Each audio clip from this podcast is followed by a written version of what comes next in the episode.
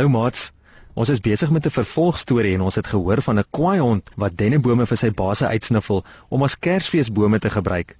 Hy wou vir Dani denneboom vang, maar gelukkig het Doortjie Donderwolk vir Dani en Karel Kabouter gehelp deur sy wolkomberslyf om hulle te vou en weerligstrale langs die hond te gooi.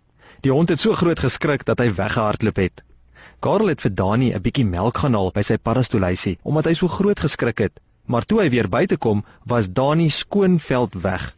Kom luister vandag verder na Karel Kabouter en die Kersfeesboom.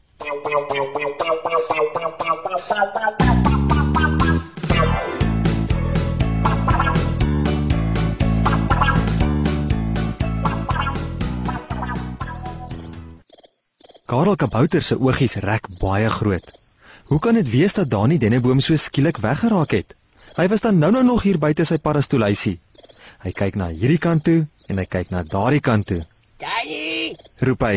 Danny, waar is jy? Skielik wonder Karel of iets nie vir Dani gevang het nie. Dan kan hy mos nie so ver weg wees nie. Ek dink ek moet ander kant my paddastoeluisie gaan kyk. Dalk is hy daar. Karel hardloop na die hoek van sy huisie. Terwyl hy nog so hardloop, hoor hy iets raas. Klink dit amper net soos iets wat gesleep word. Ek wonder wat kan dit wees? Dink Karel toe hy by die hoek van sy huisie kom.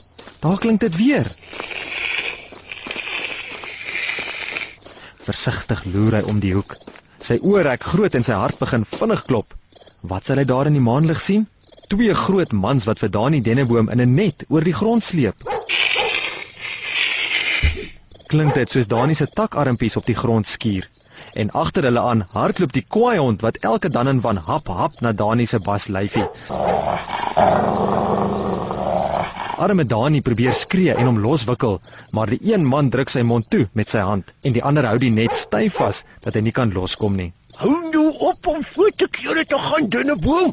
Sê die een man met 'n kwaai stem. Hier gaan jy nie loskom nie. Die ander man lag lekker uit sy maag uit. Ons het jou gevang en gaan jou verkoop aan die mense wat graag 'n Kersfeesboom wil hê.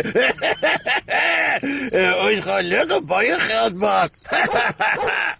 Dani Denneboom skud sy kop heen en weer en hy kry dit reg om die man se hand van sy mond los te woel. Ek wil nie 'n Kersfeesboom word nie, want dan sal ek nooit weer na die bos toe kan terugkom nie. ek sal uitdroog en doodgaan. Die een kwaai man wat die net vashou, kyk met kwaai oë na die ander een. Hoekom het jy sy mond gelos, Hans? Hoor net nou hoe raas hy. Net nou is almal in die bos wakker en keer hulle ons om die dunne boom hier weg te vat en maak verskrik tant die hond stil. Ekskuus, mons. Sê die ander kwaai man en druk dadelik weer Dani se dennehoutmond toe. Hierdie dunne boom het so rond gewikkel dat my hand net gegly het. Daar's hy. Nou kan hy nie meer praat nie. Hans klap met sy ander hand verskerp tand op die bout sodat hy moet ophou blaf. Goed so. Sê Mans. En dinge boom, jy kan maar stil bly hoor. Daar's niemand wat jou kan kom help nie. Dis klaar met jou. Maar kom ons, ons moet roer. Ons moet uit die bos uit weg wees voordat die son opkom en almal ons kan sien. Hans en Mans loop al vinniger met die spartelende Dani Denneboom tussen hulle in die net. Karel kry vir Dani baie jammer.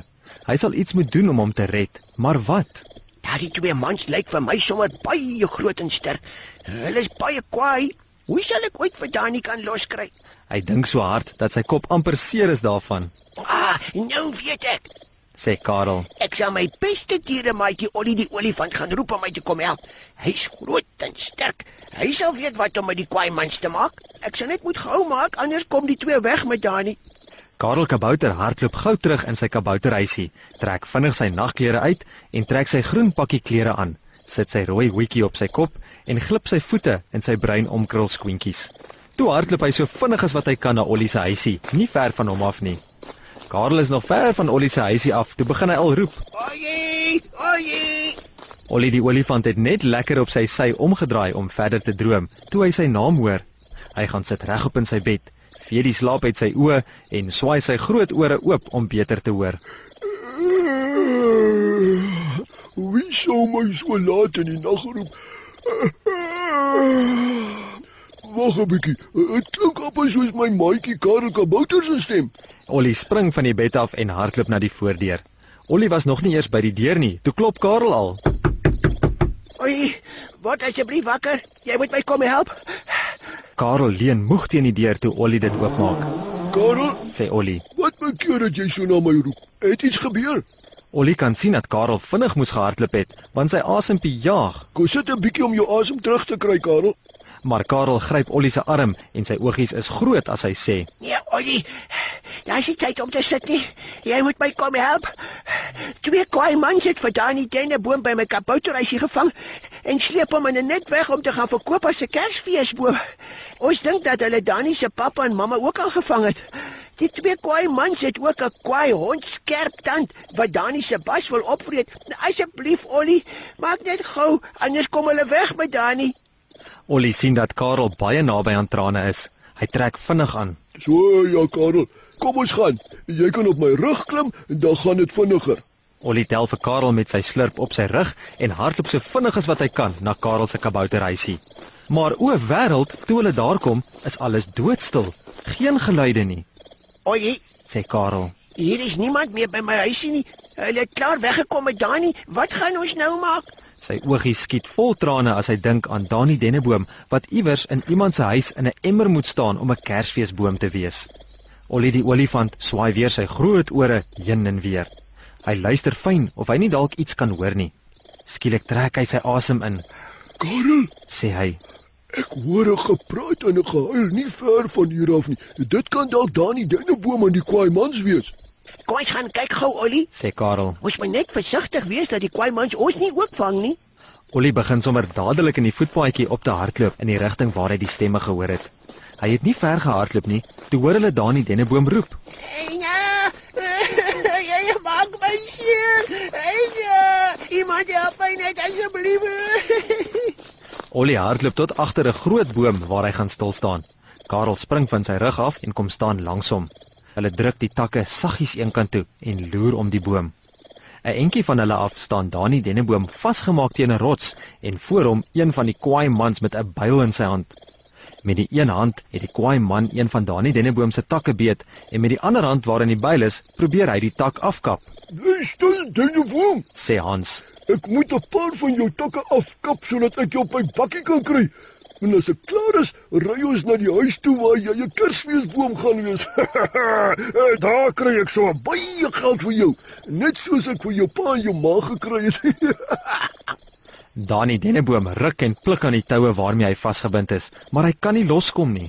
Ek wil nie 'n Kersfeesboom in 'n emmer wees nie. Ek wil in die bos bly by my pappa en mamma. Karel Kabouter kyk vir Ollie. Het jy gehoor, Ollie? Die twee kwaai mans het toe Dani se pappa en mamma gevang en verkoop. Ons moet net keer dat hulle ook vir Dani wegvat nie. Karel Kabouter staan nog so met Ollie en gesels toe dit skielik pikdonker om hulle word en 'n swaar ding oor hulle val wat hulle plat druk op die grond.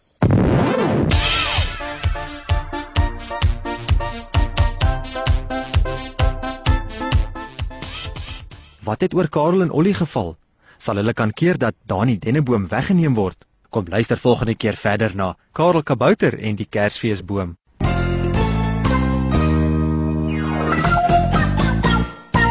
Liewe seuns en dogters, die duiwel sal baie graag kinders agter hom wil aansleep weg van die hemel af.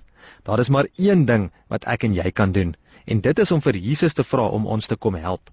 Want hy het mos gesê dat hy die sterkste van almal is. Saam met hom hoef ek en jy nie bang te wees nie en is ons wenners. Tot volgende keer, totsiens.